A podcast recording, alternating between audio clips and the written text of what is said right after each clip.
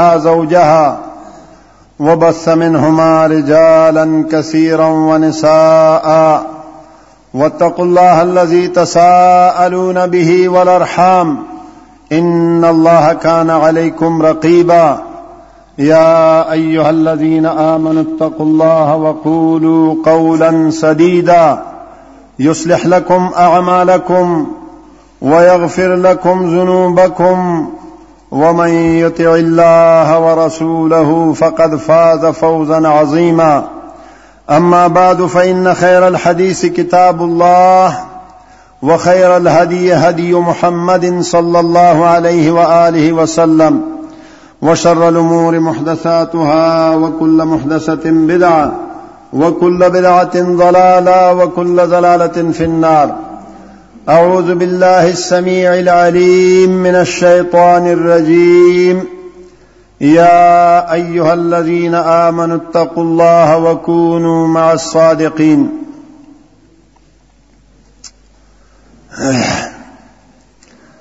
زما محترم و معزز و علماء کرام او طلبو السلام علیکم ورحمت الله وبرکاته د سلام مسنون نرستا زد رب العالمین حمد و ثنا او محمد رسول الله صلی الله علیه و آله وسلم باندې درود و سلام وایم د حمد و ثنا او درود و سلام نه رسته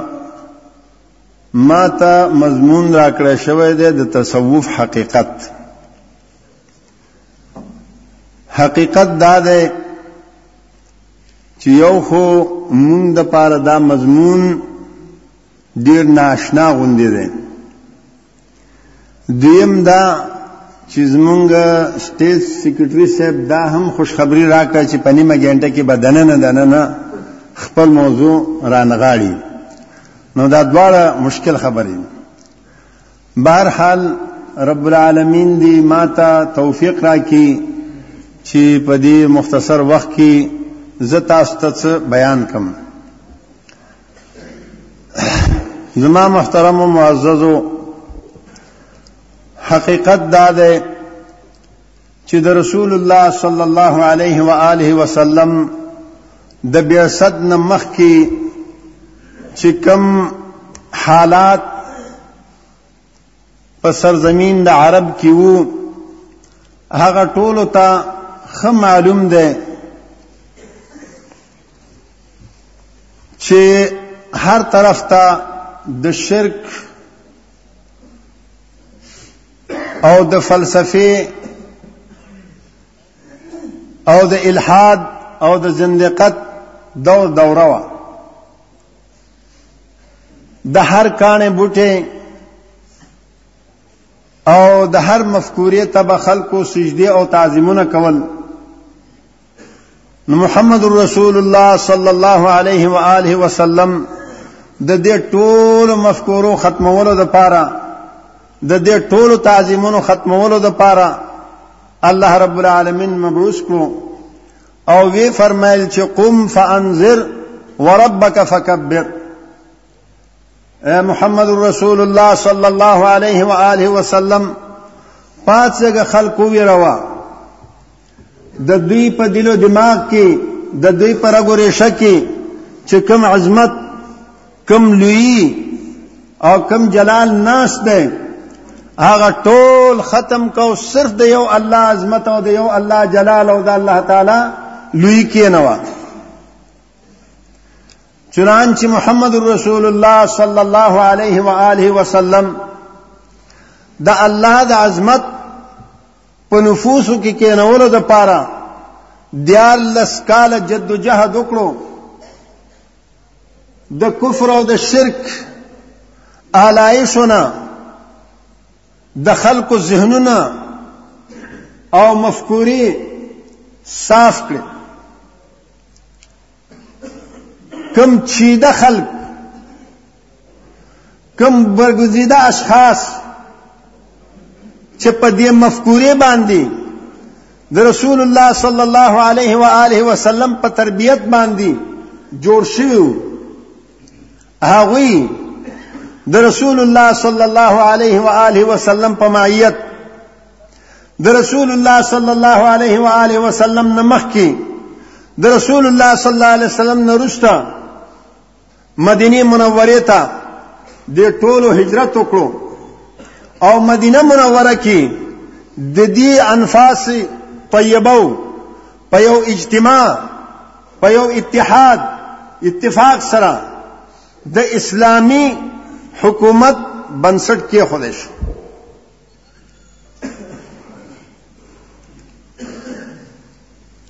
کله چې د دې ټولو الحادي فکریو مشرکینو عیسایانو او يهوديانو ولیدو چې د اسلام بنیاد ولګېدو نو د هر طرف نه د دې اسلام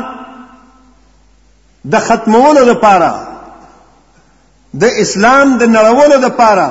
د اسلام بیخکنې د پاره د سیسی او غونډي شوراګانی جموع تیار شو حتی چې د بدر په میدان کې د احد په میدان کې د خندق په میدان کې رسول الله صلی الله علیه و آله وسلم سره د دغه غلطو مفکورو ټکر او مقاومت وشو بالآخر میدان خندق کې محمد رسول الله صلی الله علیه و آله وسلم خپل پتنګانو ته دا بشارت ورکړو چې الان نغزوهم ولا يغزونا نحن نصير اليهم ازما مرګرو تر سو پوری که میدان بدرو که میدان احد او که دا میدان د خندق دی مونږ دوی سره دفاعي جنگ کاو او دین رسته به زمون دفاعي جنگ نه زمون به حمله او د دشمن به دفاع وي هم داسې شو چې الحمدلله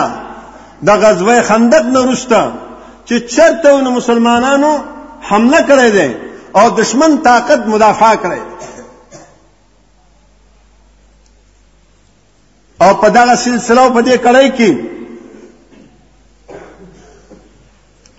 کعب ابن اشرف ابن ابي الحقيق چې د يهودو سردارانو دوی ختم کړل شو بیا غزوه خیبر راغی غزوه خیبر کې هغه مضبوط قلا چې کوم نه فتح کېدو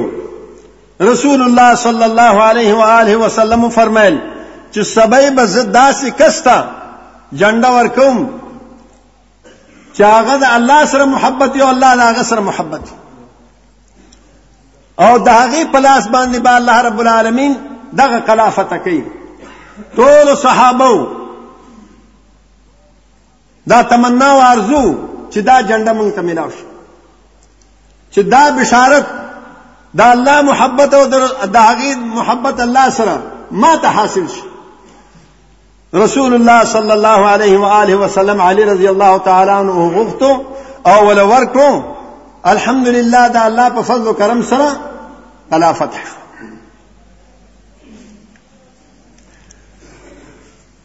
دا یو نکته ځان سره یاد وساتئ د يهودو د حقد او د کینې بیا چې کله خیبر فتح شو رسول الله صلی الله علیه وسلم ته سوال زارې وکړو چې موږ به کار کوو روزګار به کوو ځمیداری به کوو نیم حاصل به تاسو له درکو نو رسول الله صلی الله علیه وسلم خبره ومنله وی فرمایل نقرکم ما نشاء تر هغه وخت به مونږ تاسو پریدو تر څو چې زمونږ خوخی کله چې د عمر رضی الله تعالی عنہ خلافت راغی شورا یې کینو عمر رضی الله تعالی عنہ فرمایل چې زه دا غواړم چې يهود زه د خیبر نه جلاوطن کم ابن ابي الحقيق اولاد ته ویلو چې تاسو به بورې بستر اخله او زی به خیبر نه هغه ویلو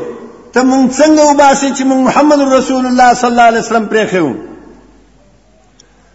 عمر رضی الله تعالی عنہ فرمایل چې ماته رسول الله صلی الله علیه وسلم هغه کلمات یاد دي چې تاسو ته ویل ستاسو به څه حالات وي چې کوم وخت کې ستاسو خان تاسو د خیبر نه وتو د پاره زغلی نو هغه ورته ویل تلک حذیله من ابي القاسم صلی الله علیه وسلم دا خو رسول الله صلی الله علیه وسلم یو ټوک او یو خوشګپی و ویل ټیک دی که خوشګپی او کار څه رسول الله صلی الله علیه وسلم دا فرمایل دی اوس بوزي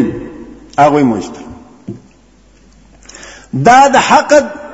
او د کینې بل نقطه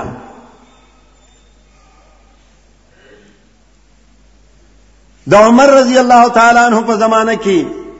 د عثمان رضی الله تعالی عنہ په زمانه کې فتوحات وسې کېدل روم فارس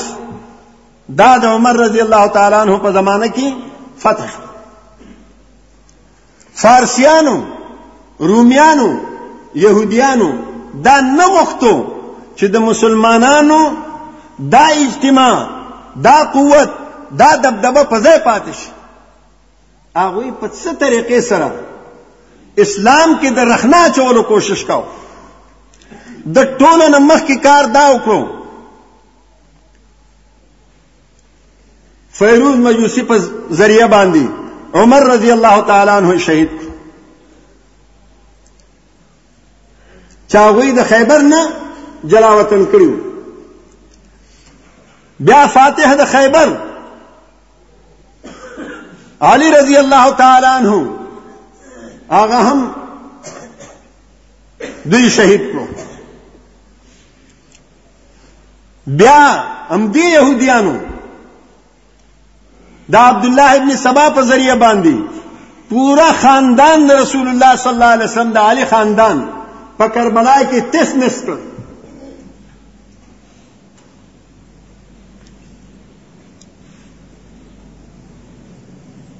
نو د دوی دا پروګرام چې اسلام کې یو طریقې سره رخنه واچول شو اسلام کې فتنه جوړ کړ شي ابتدا د فتنه د عمر رضی الله تعالی عنه د شهادت نه شروع شو لکه چې حدیث کې راځي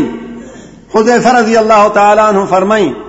دون کباب مغلق ولې د دې شر په مخ کې یو دروازه بند دروازه ده عمر رضی الله تعالی عنہ فرمایل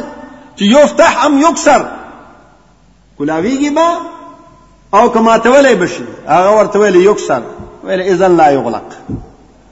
نو چې کله مات شي نو بیا به بنديږي نه تر نن پورې هغه دروازه نه ده بند شوه اسلام کی اوله فتنه اول رخنه د عبد الله ابن سبا په واسطه سره د شیعاګانو فتنه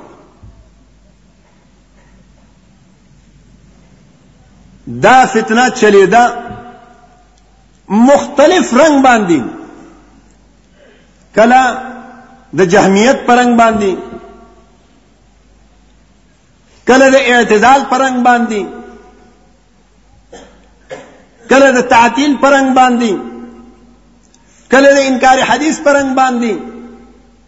مختلف رنگونو باندې دا فتنه را پورته کېدي چونکه اسلام کې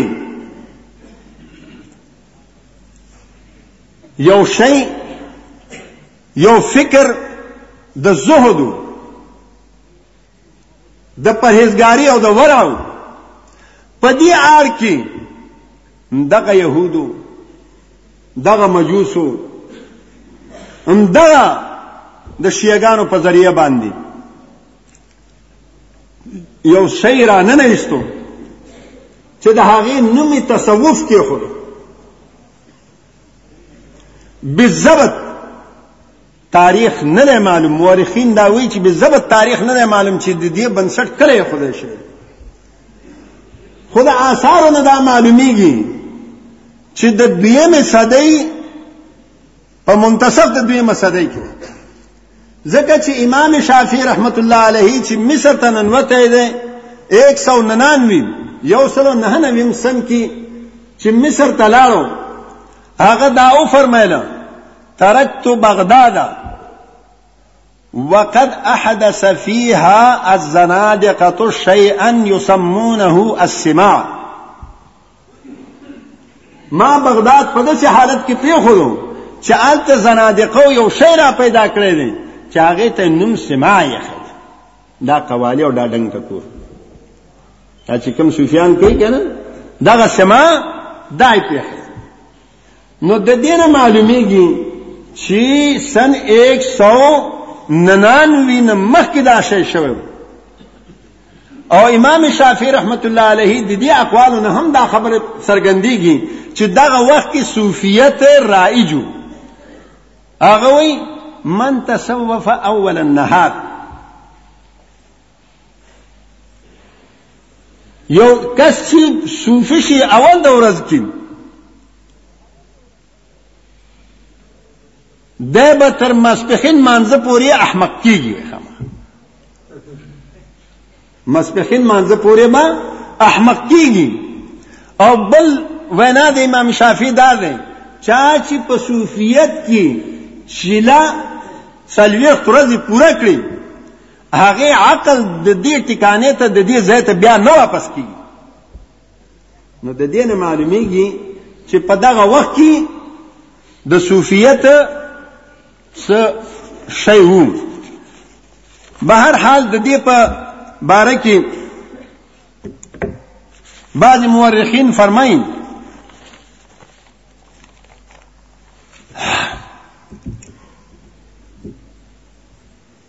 چې تقریبا سن 430 پورې دا شی چلیدو خو مستقل نظام نه و دی مستقل څه منهج نه و دی مستقل څه کتابونه د دوی نه محمد احمد محیمی ایرانی چې څلور سوه دیرشم کې فوت شوی دی د ټولو نه مخکې اول کتاب ولیکلو په صوفیت باندې او د معروف په ابو سعید باندې او د د صوفیت د پاره د ټولو نه مخکې کتاب ولیکلو او څنګه چې دا خرقه او څنګه چې دا خرقه وای کنه دا د پلانې صاحب خرقه پوښ ده او دا د پلانې صاحب خرقه پوښ ده دا عبدالرحمن سلمینه اول خرقه حاصل کړو چا د محمد احمد مهیمی ایرانی او دیمه خرقه چې کم ده د ابو العباس قصاب نه ده حاصل کړو نو د با قاعده پر رمله کې خپل کور سره پر رمله کې د خپل کور سره یو خانقاه د صوفیانو د پاره جوړه او خه نظام یې د هغې دپاره جوړ کړو قواعد یې ول وضع کړو کتاب یې ولیکلو عبدالکریم قشیري چې کوم الرساله لیکلی دی د دې رسالې نه مخکې چې کوم دی نو ده دا کتاب لیکلو او بیا د هغې نه وروسته عبدالکریم قشیري او د نورو خلکو د ده ترویج شروع کړو د دغه څلور څلور سو دیرشم نورسته د ایران مشرقي عرب ته د دې دا نظام منتقل شو په عراق کې د ټولو نمخ کې د ایران نه چې کله منتقل شو رفاعیه او قادریه سلسله د ټولو نمخ کې په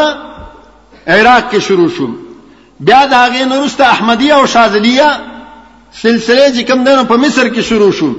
د هغې نه وروسته مختلف سلاسل د دوی شروع شول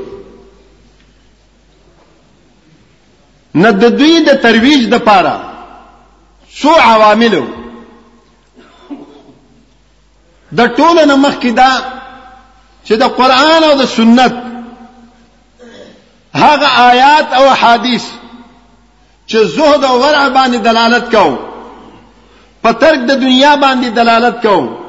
هغه ته داسې تعویلات او داسې تحریفات دوی ورکو چې عوام پاغي باندې بالکل متاثر کړي دویم چونکی د دوی مشابهت زیات د اهل کلام سره اشاعره سره کرامیه سره ماتوریدیه سره د شیعه باطنیه سره قرامته سره زیاد مشابهت او چونکه خلک دغه وخت کې د دې مفکورې نه زیاد متاثر وو دا ترویج واخستو صوفیت ترویج واخستو بل په صوفیت کې چې کم دینو دغه وخت کې د افلاطون د فلسفي چرچا و په صوفیت کې دا کشف او شهود کشف او شهود دا د افلاطونی اصطلاحات د ور دوی ورکې نه نېستل د هم د کم دنه یو کار وکړو هغه نه خو د صوفیت کې روحاني ریاضیات چې لکه شي او مختلف اسلوب د مجاهده نفس او قوالیانی دا ټول هندوانه رسم په دوی کې را پیدا شو د هم چې کوم دنو څه ترویج واخستو بل مسیحیت په دغه وخت کې هم په عروج کې و هغوی حقیقت محمدي او د حلول تصور دا د مسیحیانو نه واخستو چې عیسی علی السلام هو الله دی هغه ویل کنه دا تصور دی مو اخستو دام چې کوم نه ترویج رواج پدې کې واخستو به هر حال دا څه عواملو د دوی د ترویج د پاره د دوی د وړاندې کېدو د پاره باقی د دوی عقاید د دوی د عقاید او حقیقت دا الله تعالی په باره کې د وحدت الوجود قائل وحدت الوجود داسي چې دوی وایي چې لا انفصال بین الخالق والمخلوق دوی څه وایي لا انفصال بین الخالق والمخلوق د خالق او د مخلوق په منځ کې هیڅ انفصال نشته او بل عقیده د حلول ده حلول دا معنی چې ان الله حل فی فی الکائنات الله تعالی په کائنات کې حلول کړی بل عقیده د اتحاد ده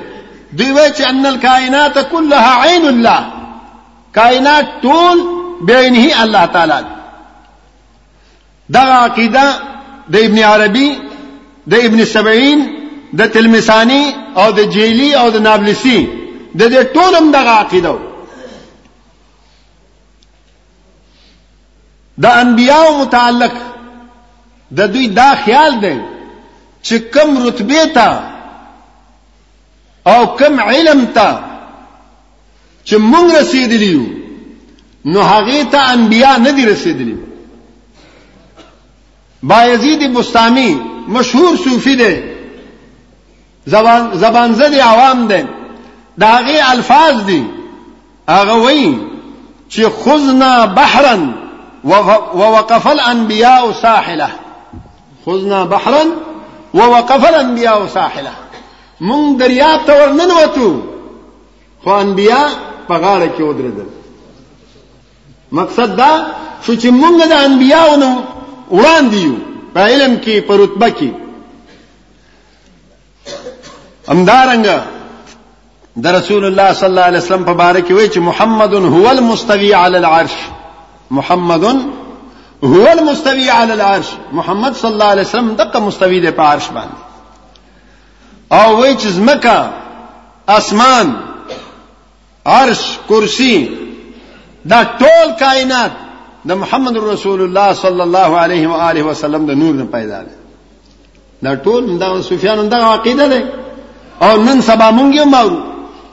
دا څه زړې خبرې نه دي اوس هم دا خبرې دي دا اولیاء متعلق د دوی دا عقیده ده چې دوی بالکل د الله تعالی سره مساوي دي اولیاء الله تعالی سره منساوي دي څنګه چې الله خالق مالک محیی ممیت متصرف فی الکون دی همدارنګ دویم خالق مالک محیی ممیت متصرف فی الکون دی دا الله نه کم نه دی برابر دی مساوی دی جنت او د دوزخ په باره کې جنت په باره کې د دوی دا عقیده ده چې جنت منت نشته که څوک عبادت دې د پاره کوي چې ما ته جنت حاصل شي دی وای مشرک دی څوک عبادت دې د پاره کوي چې زه جهنم نه خلاص شم دا مشرک دی سوال د جنت او استعاذه د جهنم نه دا شرک دی معاذ الله رسول الله صلی الله علیه وسلم او صحابه کرام ټول امت مسلمه د دې پنيز باندې مشرکین ذکر دي چې دې جنت واړي رسول الله صلی الله علیه وسلم خپل فرمایي اللهم انی اسالک الجنه واعوذ بک من النار او د دې پنيز باندې دغه شرک دی نو د جنت حقیقت څه شی دی د دې په نسبت باندې د دې په نسبت باندې جنت حقیقت دا دی الاطلاع على الغيب والتصرف في الكون هذه هي الجنة الصوفية الاطلاع على الغيب والتصرف في الكون هذه هي جنة الصوفية په غیب باندې اطلاع او په کون کې تصرف دا د صوفي جنت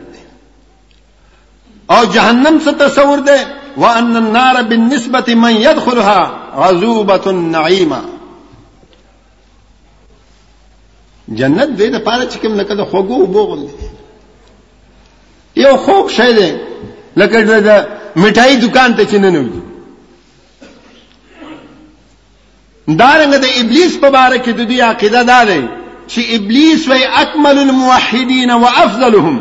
اذ لم يسجد لغیر الله ځکه چې د غیر الله ته سجده ونکړو چې غیر الله ته سجده ونکړو نو افضل الموحدین او اکمل الموحدین دی لہذا دی اټومیټک وې جنتی دی د فرعون په باره کې هم وې چې اکمل الموحدین دی ولی اذ قال انا ربكم الاعلى د ویل چې انا ربكم الاعلى ولی انه عارف الحقيقه لان كل موجود هو الله ده په حقیقت باندې پوری ځکه وحدت الوجود ده کنه هر مو اتحاد ده هر موجود خپل الله ده وفرعون هو الله چې فرعون الله شنو ارنا ربکم الاعلى شي ویلو دا افضل الموحدین دا د صوفیت حقیقت دارنګ د عبادت متعلق دوی وی منز روجا زکات حج وغیرہ عبادت دا د عوامو کار دی دا د عوامو کار دی د صوفیانو د اولیاء دا خاص خلق دی دا غوی خاص عبادت دی خاص هيئت دی او خاص پوشاک دی او خاص خوراک دی خاص حلقې وي لہذا د دوی کار څه شي دی خاص کارونه خاص کارونه څه شي دی د مخلوق په اسرارو کې نظر کول او په کون کې تصرف کول النظر فی اسرار الخلائق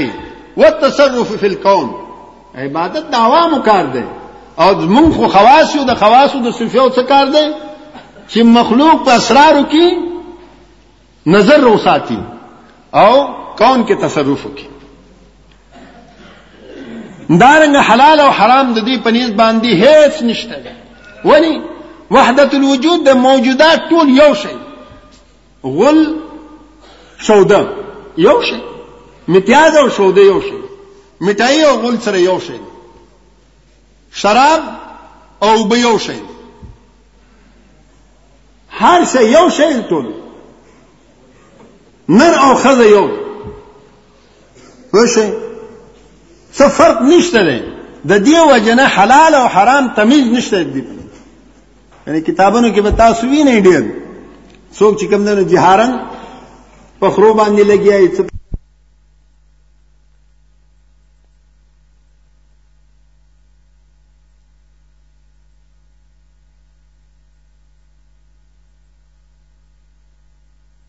ځان سره وکړو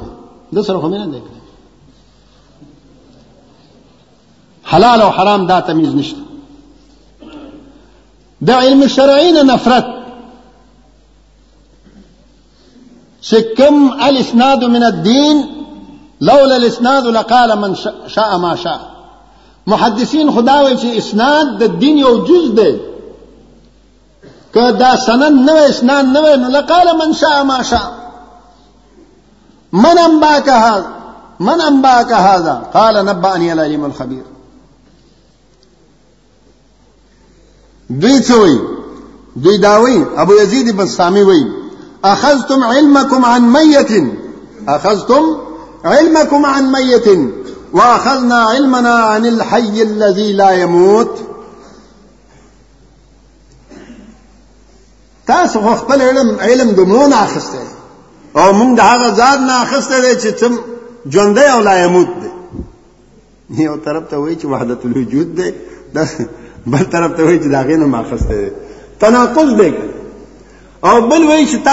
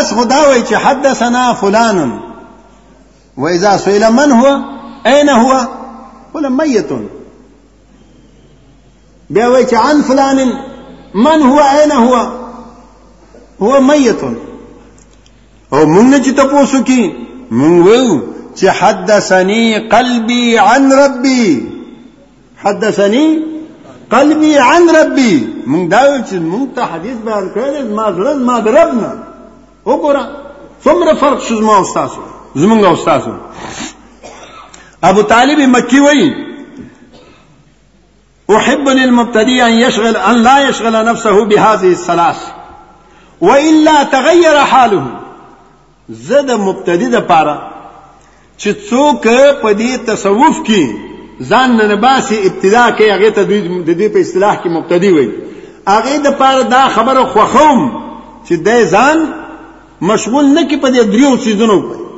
که په دې دریو سيزونو کې دای مشغول شو حالت به او تر شو برباد بشي هغه درې څه شوه التکسب یو خو دنیا ګټل بل وطلب الحديث بل حدیث د کول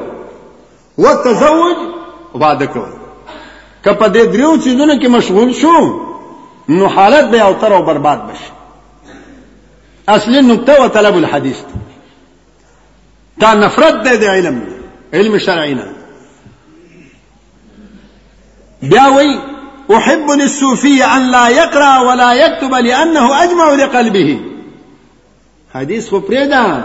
بالکل اړو ان پړ پکار دی وی صوفي سړی اړو پړا پکار نه دی زه دې د پاره دا خوښوم چې لا یقرا ولا یكتب نه لولي او نه سلیکی ځکه چې د دې د زړه د سکون او اطمینان د پاره داخل ځکه چې کتاب وې کې دې چته ده موحد کې دا پلاس ورشي دا الله کتاب ولا پلاس ورشي د رسول الله صلی الله علیه وسلم حدیث ولا پلاس ورشي لہذا د لپاره پکار دا دی چې ونه لټي ابو سليمان داراني وی چې ذا طلب الرجل الحديث او سافر في طلب المعاش او تزوج فهو ركن الى الدنيا چا چې طلب د حدیث وکړو یا د معاش د پاره سفر وکړو د تجارت د پاره یا عبادت وکړو د رکون له دنیا وکړو میلان له دنیا وکړو طلب د حدیث څه شه ده رکون له دنیا ده لہذا طلب د حدیث بنکه مقصد دا دی چې د دوی د اسلام د نړولو لپاره یو مفکوره ده دا یاد وساتئ صوفي په نوم باندې چې اول مسما شوی دي درې کسان په لفظ په نوم د صوفي باندې چې اول مسما شوی دي هغه درې کسان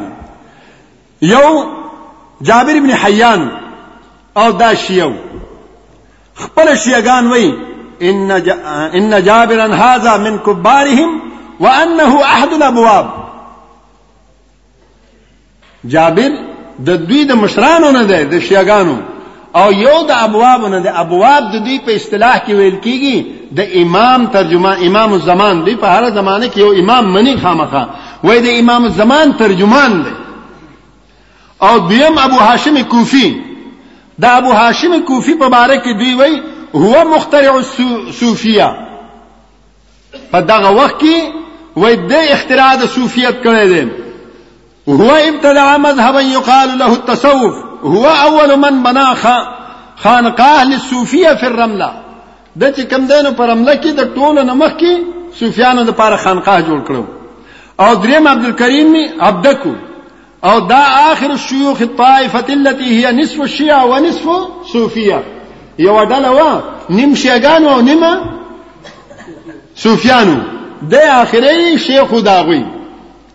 دا درې کسان د ټولو نه مخکې په صوفي لفظ سره مسما شوي نو شیعت او د صوفیت دا ډیرو چیزونو کې اشتراک لري مثلا د دوی دواړو اهداف اغراض غرض غایا عقیده عام اعمال اکثر کې شراکت دی مثلا شیعه دا وایي چې علی رضی الله تعالی عنہ د رسول الله صلی الله علیه وسلم وسیو لہذا مونږ سره یو خاص علم دی چې نور مسلمانانو سره نشته او سفیان وایي مونږ سره یو خاص علم دی چې د هغه نوم علم لدنی دی هغه ځان د پاره دی یو خاص علم دعوه کوي او دیم چې کوم دنه ځان د پاره دی یو خاص علم دعوه کوي امدارنګ شیعگان وایي چې په دنیا کې د دنیا د دغه چلولو د پاره نظام چلولو د پاره یو امام زمان پکار دی بغیر د امام زمان نه دا د دنیا نظام نه چلیږي او صوفیان هم وایي چې د دنیا نظام چلولو لپاره اقطاب ابدال اغواس دا پکار دي چې هوس پکې پکار دي قطب پکې پکار دي ابدالان پکې پکار دي د دین بغیر دنیا نظام نشي چلی دی همدارنګ شیعگان دا وایي چې یو علم ظاهری دی او بل علم باطنی دی او دویم دا وی یو علم شریعت دی او بل علم طریقت دی علم شریعت او علم طریقت بل دی وی د دې آیات قرآنی او د حدیث نبویو دو معنا غني یو معنا ظاهری او بل معنا باطنی او سفیان هم دا وایي چې یو معنی ظاهری ده او بل معنی روحانی ده په دې کوم تطابق ده همدارنګ شیعاګان د زیارتونو د خانقاهونو او د استانو او د جندو منډو ډیر تعظیم کوي همدارنګه په صوفیت کې هم دا ششته دی چې د قبرونو داستانو او د جندو د دې ټولو تعظیمونه کوي همدارنګه په شیعاګانو کې هم چې غیر الله ته یا حسن یا علی یا فاطمه دا چیغې دي او په دې کې هم دا دی چې یا محمد یا غوث الاعظم یا فلان یا فلان یا فلان په دغه ټولو چیزونو کې دوی مشترک مقصد او غرض دا دی چې دا د دنیا یعنی د اسلام د نړولو د پاره اسلام کې رخنا چولو د پاره څنګه چې د ټولو نه مخکې فتنه د عبد الله ابن سبا په واسطه سره شیعاګان را پیدا شو يهوديانو شیعاګان را پیدا کړیو دغه یو لړۍ ده چې د دې اصل بنیاد د يهودیت نه ده او بیا شیعت ته او شیعت نه وروسته ورپسې راځه راځه راځه راځه تر ننه پورې چې ته ګوري هغه شخص به ولی الله جوړیږي چې دولس کاله دولس کاله چې نه منځو کې نه اودسو کې بلکې او به استعمال نه کې پس دا غینه دا د کچکول د ملنګی دی کنه اله به ورته ملاویږي چې ترڅو دولس کاله د بغیر وبونه وخت نه تیر کړي نو دته دا کچکول نه ملاوي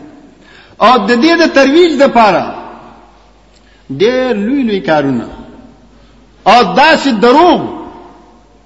چې هغه معاذ الله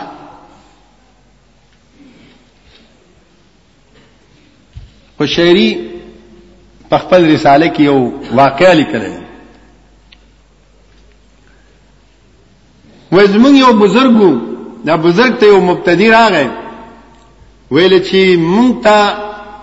ما ته هغه اسرار وخی چې کم تا کم تاسو ته الله پاک درکړی هغه ورته ویل چې ته د دې متحمل نه یې ته نشي برداشت کولای هغه ویل برداشت وکړه وای نشي برداشت کولای څلور پنځه ورځې هم داسې ور پرې خودو ورته ویل ته نشي برداشت کولای اخر ورته ویل ښا خدای یو ورځ د ناستو د نن وته یو ځوان ور سره بلم ناستو هغه ځوان ته ویلو هلکه ته په داسې ځای کې پټ شه چې بالکل تانه دا سره خبر نشي او په داسې طریقې سره دنن یو پس نه نه باسا چې دی ونه ني هغه هم داسې وکړو هغه څه خبره اترو شو نو هغه تلک رټنه ورله ورکړه غزوان ته هغه د سیو پاتې دا غزنه د مر څه نن وته چې نن وته یو سات پس دا څه هغه کو نه وته لاس کې چاړه ده او په چاړه باندې کېندنه وینه به یو کپړو باندې وینه ده وای حضرت صاحب څه چلو شو وای را شیطان دې مخورک شي دا الګ چې کوم دنو څخه غوسه کړم بس هغه مې حلال کړو دننه او استنو غوځو خو مې ربانی وکړه سوال درته کوم چې دا راز چاته ونه وای کته دا راز ونه وینو زبا غ اسرار درته وخه ما چې کوم الله مونږ ترا کړی ها نو دا سره نر یکدم پاتې دو فورا دغه پلان کوړته ورسېد چې تاسو زی تاسو خو ولې زمون پیر داسې دی زمون پیر داسې دی هغه تاسو بچو وجلو او بیا ما ته داسې داسې داسې داسې ویل زمړه تاسو زمون پیر صاحب بدنامي ویل که ما که داسې نو ما سره لاړ شي ا پولیسم خبر شو دغه خبر شو یو دند فساد در روان شو چې روان شنو هغه ورته ویل چې څه چل دی وای تا زمونږ بچي وجل ما کله بچي وجل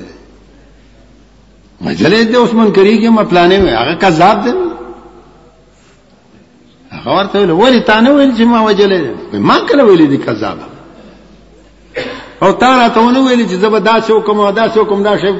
پټ کړه راز پټ کړه ما خو نه ویل کذابي ته دروغ جنې وغت لاس کې چې چاړو اچ ویني به دي ا کپړې چې د وینو نه ګندې اخو ما پسه لال کړې راشه نن وځه وګوره پسه پسه لال کړو هغه پسه یو کتنو صدا کېل مل چې ختم شونه سړیم را پیدا شو وګوره نو مقصد زما دا دی چې دا خپل دې دروغ او د خپل دغه ترویج د پاره داسې دروغ او داسې سيزونه دوی جوړي چې الامان والحفيظ نو مقصد او غرض دا دی زما رونو چې دا صوفیت حقیقت يهودیت ده بنیادی یهودیت دی او د اسلام کې رخنا چولو د پاره اسلام ختمولو د پاره دوی چې کم دینو دا شیرانه نه ایسته دی او د زهد په نوم باندې کچته زهدي ویلې ګوره دومره یعنی د اسلام سره دښمنی و چې هغه د زهد نوم ور باندې کینو خودو د ذهن نوم په دې د صوفیت باندې کې نه خدو د اسلام د نوم نه چې کم دینو دومره دوی سره نفرتو چا زهد یا د ورع نوم په دې صوفیت باندې کې نه خدو نو الله الله رب العالمین دې مونږه پوي کې چې مونږه د صوفیت حقیقت مو پیژنو د اسلام حقیقت مو پیژنو او اسلام کې چې کم رڼا ده هغه رڼا هم پیژنو او په دې صوفیت کې چې کم ظلمت او تیاری دي هغه مو پیژنو او د اسلام چې کم دشمنان دي او د اسلام په جامه باندې راننوتي دي هغه پیژنو او د هغه لپاره مخنیوي وکړو اقول قولي هذا واستغفر الله لي ولكم اجمعين ایوب اسلامی کیسټ مرکز د قصه خوانی بازار شاته پیښور خار